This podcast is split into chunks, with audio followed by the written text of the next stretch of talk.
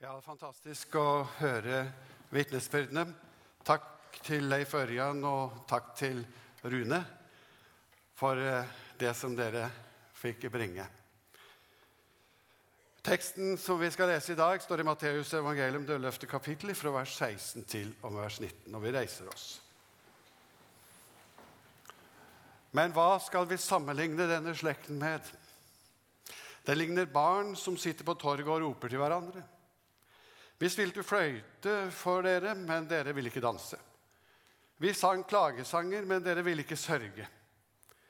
For Johannes kom, han verken spiste eller drakk, og folk sier, han er, har en ond ånd i seg.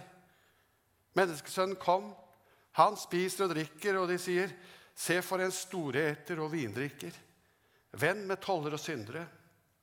Men visdommen har fått rett. Det bekrefter gjerningene hennes. Herre Jesus Kristus, dette var ditt ord til oss i dag. Ditt ord er sannhet. Hellige oss i sannheten. Amen.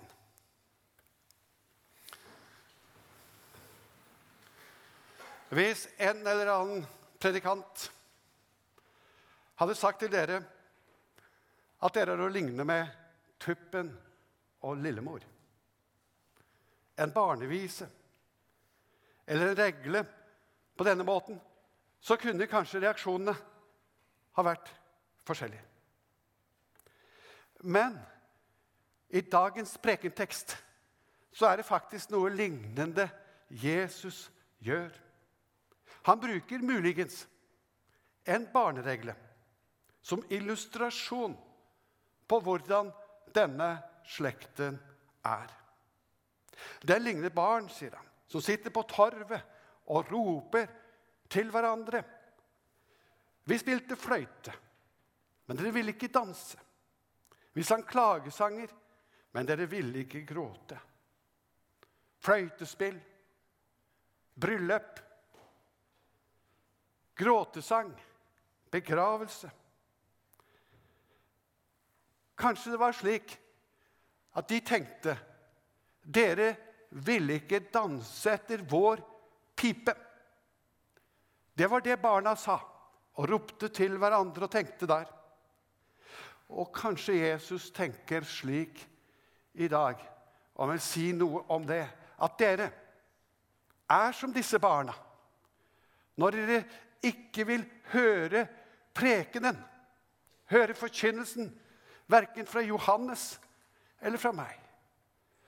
Det vil liksom ikke preke etter vår pipe. Jesus han forklarer litt av bakgrunnen for dette bildet han her bruker. Johannes vet dere, han var vekkelsespredikanten i ødemarken. Han hadde en asketisk livsstil. Og han spiste gresshopper, villhonning. Han var kledd i kamelkappe. Han forkynte omvendelse. Han forkynte et budskap som kalles for botsbudskap. Men de mange var det som ikke hørte de sørgesangene som døperen forkynte. De ville ikke gråte. De ville ikke omvende seg. De ville ikke gjøre bot. De ville ikke vende om til Gud, slik som han preket. Jo, mange gjorde det. Men nå preker han til de som ikke ville det. De prekte på en måte på livsstilen hans. Han er jo gal. Han står der ute i ødemarken. Han har jo en ond ånd. Og vi kan ikke høre på en sånn mann. Slik er det som Jesus på en måte setter dette her inn i en sammenheng. De kritiserte hans radikale livsstil. En kan jo ikke leve slik han går utover all troverdighet, på en måte. Og så har jeg hørt, sier de, han sitter jo nå i fengsel fordi at han har vært for streng mot Herodes. Så sånne folk, de avsetter vi og hører ikke noe på. Dere er som barn som ikke ville gråte når vi synger sørgesanger. Dere vil ikke høre på budskapet. Det er Jesus sier til folket i denne tid. Men så var det Jesus, da. Han hadde en annen måte å opptre på. Han var som et vanlig menneske. Han Han spiste sammen med vanlige folk, med tollere, syndere. Og så ble han kritisert for det.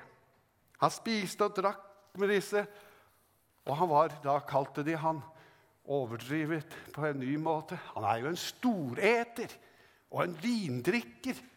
Han er tollere og synderes venn. Hvem kan da ha tillit til en som lever på den måten? Hvem kan høre på han? Så ville de ikke høre på han heller. Jesus han var rett og slett for ordinær. Han Han var jo et helt vanlig menneske. Det var jo faktisk det at han var et helt vanlig menneske. At han var kommet å bli en av oss. At han er vår bror. Det er et fantastisk budskap i seg selv. Men han forkynte på mange måter fløytetoner, Jesus. Han inviterte til bryllup, til det himmelske bryllup, og så sa han, 'Kom, bli med. Kom uten å ha noe betaling. Kjøp, og du skal få. Bli med meg. Gå på gater, gå på steder. Inviter så mange som vil.' Det var den fløytetonene som kom fra himmelen. Både gjennom han som person og gjennom det budskapet som han formidlet. Han formidlet det til de omkring seg og sa, 'Dere er alle velkommen.' Velkommen til å ta imot Guds rike. Som den bortkomne sønn. Det er et bilde på en måte hvor de satte i gang hele festforestillingen fordi at en som hadde vært borte i krisebinge, luktet vondt, en som hadde rota bort alt han hadde Der var det så Sett i gang fløytene, sa far. For nå er det fest. Han som er borte, er kommet hjem igjen. Det er helt fantastisk. Det er det himmelske fløytespill som lyder utover jord, som er misjonens store budskap, og som vi vil forkynne. Hva skal vi da lære av disse to ting? på en måte? For det første har jeg lyst til å si en ting vi kan lære, det er at selv den mest suksessrike predikanter som har vært på denne jord, døperen Johannes og Jesus, de opplevde at det var mange, ja, de aller fleste, de brøy seg ikke om hva de hadde å si. Det er noe å lære. Det er noe vi skal tenke på. De hadde et budskap som ikke passet på en måte inn. Men de gjorde det allikevel. Det er det ene vi skal lære, og det skal jeg komme bitte litt tilbake til. Det andre som jeg syns vi skal lære av denne teksten, og jeg skal komme tilbake til det òg, det er at Jesus han gjorde en tidsanalyse. Han sa at denne tid er å ligne med. Altså, Han prøvde å analysere den tiden han var en del av. Og det er en oppfordring til oss også, som predikanter, som menighet, som eh, vanlige folk, for å si det sånn. Vi skal prøve å skjønne vår samtid. Vi skal forstå vår egen tid. Men nå litt tilbake til det første, nemlig det at selv suksessrike predikanter er det opplever at ikke vil, eh, noen vil høre. Vi som er predikanter, vi skal fortviles. Vi skal gråte. Vi kan bli sinte. Vi skal kjempe når budskapet ikke når frem. Jesus han gråt over Jerusalem. Abraham han kjempet i bønn for Sodoma og Gomorra. Moses han ble så sint at han knuste steintavlene. Det var et engasjement ifra hjertet. Slik skal vi også være. Vi trenger mennesker i dag som er villige til å stille seg frem og ta inn over seg det som er nøden, og stille seg på en måte i gapet for vårt folk som er villig til å bære omkostningene av det som det koster å synge gråtesanger og spille fløytemusikk. Om du er en profet, så må du orke å synge gråtesanger sjøl om folk ikke vil gråte. Du må orke å spille fløytemusikk om folk ikke vil danse. Og noen ganger så kan det bli slik for oss at vi kan falle i den fristelsen og tenke som så at om vi tilstrekkelig tilpasser fløytemusikk og sørgesang, slik at vi prøver å få det slik som barna på torvet vil ha det, slik at vi spør dem hva vil de egentlig høre nå i denne tid, og så tror vi at det er veien å gå. Vi skal virkelig arbeide med våre prekener, og vi skal undersøke, men vi skal aldri, aldri gå på akkord med sannheten. Det kommer for vårt vedkommende også til det punkt at valget må tas. Beregningen av omkostningene må gjøres. Og folk må velge om de vil følge etter Jesus eller ikke. Det andre som jeg sa, som vi skal lære av denne teksten, det er at Jesus han gjorde en tidsanalyse. Og Jeg skal ikke være veldig sånn, gå inn og gjøre en tidsanalyse så voldsomt, men noen setninger har jeg lyst til å si om vår tid. Hvordan kan vi forstå 2016? Noen tenker slik at det som ikke kan telles eller måles, det finnes ikke. Jeg vil ikke tro det jeg ikke ser. Det var en som spurte meg her en dag hvorfor er det så mange misfornøyde i dette rike landet deres. Hvorfor er det så mange utbrente og utslitte og utilfredse i Norge? Vi som kommer fra andre kulturer, vi begynner å spørre oss om det. Materialismen er et veldig sånn kjennetegn i vår tid. Og materialismen er en sprukken brønn. Vi lever i et forbrukersamfunn. Vi tenker nok om oss selv og slår oss på vårt bryst og tenker at vi er så solidariske. Vi er så liksom tenker på de som er utenfor. Men det var en av disse som sa det å være dårlig integrert i det norske samfunn er ikke først og fremst, sa han, å være usolidarisk med de fattige og de svake, sånn som dere tror.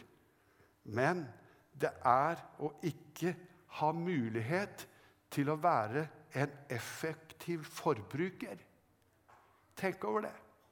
Den som ikke er en effektiv forbruker i det norske samfunn, han er ikke integritert i samfunnet. Integrert i samfunnet. Han er utenfor. Slik er det. Men det er ikke uh, viktig heller, for på, på, en måte er det slik at vi, vi merker at ettersom forbruket har på en måte tatt mer og mer tak, og vi har erfart at det er en sprøkke nakken, brønn eller en Gud som ikke kan tilfredsstille oss, så søker vi alternativer. Og det behøver ikke å være så veldig langt inne på TV Norge. Og så finner du noe som heter Åndenes makt. Og der ser du hvordan nordmenn på så mange måter søker inn i det alternative og i religiøse sammenhenger. De er opptatt av religiøse spørsmål. Men jeg har juksa litt nå. Jeg har tenkt at kongen han skulle hjelpe meg litt grann i dag og så gjøre en analyse av hvordan det står til i det norske folk. Og nå skal jeg sitere ikke hele talen. Jeg hadde lyst til å lese den. Var veldig bra, den talen jeg holdt denne uken. her, mye bra. Men jeg skal ta opp to-tre momenter. Han sier, etter at han har sagt noe om at eh, Norge er et flerkulturelt samfunn, et pluralistisk samfunn, så kommer jeg inn i talen hans og sier følgende sitat fra nå. Nordmenn er folk som kommer fra Afghanistan, Pakistan og Polen, Sverige, Somalia og Syria. Nordmenn jobber i butikk, på sykehus, på oljeplattform. Nordmenn arbeider for at vi skal være trygge, arbeider med å holde landet rent for søppel, leter etter nye løsninger for en grønn fremtid. Nordmenn dyrker jorda og driver fiske. Nordmenn forsker og lærer bort. Nordmenn er engasjert, livs, engasjert ungdom og livserfarne gamle. Nordmenn er enslige, skilte, barnefamilier, gamle ektepar. Nordmenn er jenter som er glad i jenter, gutter som er glad i gutter, og jenter og gutter som er glad i hverandre. Nordmenn tror på Gud, Allah, altet og ingenting. Så langt kongen. Og da vil jeg spørre er denne tidsanalysen riktig? Ja, jeg tror han har rett. Jeg tror kongen har kommet med en riktig beskrivelse om vår tid. Men hvordan skal vi tenke da? Vi som har Bibelen, og som står midt i denne kulturen med våre liv og med forkynnelse. Hvordan skal vi tenke? Hvordan skal vi møte de som tenker at om gutter gifter seg med gutter, eller jenter gifter seg med jenter Det er like bra som om de gifter seg, gutter og jenter, med hverandre. Og hvordan skal vi tenke om de som tror at Allah, altet eller ingenting, og mener at det er like bra, det, som tror på Gud? Hvordan skal vi møte denne tid? For det er her vi er nå. Eller alle de da, som eh, ikke er kommet lenger i sin erkjennelse. At de tenker at eh, det er ikke verdt noe, det som ikke kan telles, og det som ikke kan måles. Hvordan skal vi møte dem? Ja, Leif Ørjan og, Rune Tommelen opp for dere. Men jeg, jeg har lyst til å si noe mer generelt. Vi skal møte dem med fløytespill og gråtesang. Det er budskapet i dag. Vi skal ha den himmelske innbydelse. Og vi skal ha den profetiske advarsel inn i vår tid. Vi skal reises opp på den måten. Vi skal si ifra klart og tydelig. Og samtidig skal vi spille den beste fløytemusikk direkte fra himmelen og si at uansett hvordan du sliter med ditt liv, og hvordan du har det i dag, du skal få komme til Jesus med livet ditt og få tilgivelse og oppreisning. Det må vi ikke glemme. Himmelsk innbydelse og profetisk advarsel. Visdommen står i slutten av eh, teksten her. Det er eh, litt vanskelig hvis dere, dere, som er teologer og forskere, kan si hva betyr den siste setningen i dagens tekst. Hva betyr Disse forskerne rister på hodet og vet ikke. Og da skal jeg fortelle dere det. Nei. Nei da, jeg skal ikke det. Men kanskje finnes det en visdom, dypere visdom, i nettopp dette. Kanskje er det slik at visdommen, det er Han som vi forkynner. Og eh, det finnes en sannhet. Det gjorde det den gangen. Det har det gjort alltid. Det finnes en visdom. Det finnes ett budskap som er sannhet. Det må vi holde fram i denne tid. Dette budskapet inneholder begge de toner. Gråtesang og fløytespill. Og hvis vi tenker fra Kolossensebrevet og fra første Korinterbrev, fra andre steder i Bibelen, så står det 'For i ham er all visdommens og kunnskapens skatter skjult til stede'. Og I første Korinterbrev står det for ordet om korset er en dårskap for dem som går tapt. Men for oss som blir frelst, er det Guds kraft. Det står skrevet 'Jeg vil ødelegge de vises visdom', og de klokes klokskap vil jeg gjøre til intet. Og så i vers 24.: Men for dem som er kalt, både jøder og grekere, er Kristus Guds kraft og Guds visdom. Leser vi hele dette kapitlet som vi har foran oss i dag, så hører vi virkelig fløytesang og gråtesang. Fløytespill og gråtesang. Vi hører vedrop over Betzaida, ved deg, Koresin, osv. Ved deg, Kapernaum. Det er gråtesang. Det er domsbudskap som lydde utover byer som ikke ville følge Gud. Og da spørs det om vi tør å komme med et domsbudskap inn i vår tid. Men sannelig så inneholder også dette kapitlet nydelig fløytes, et nydelig fløytespill. Som det står i vers 28.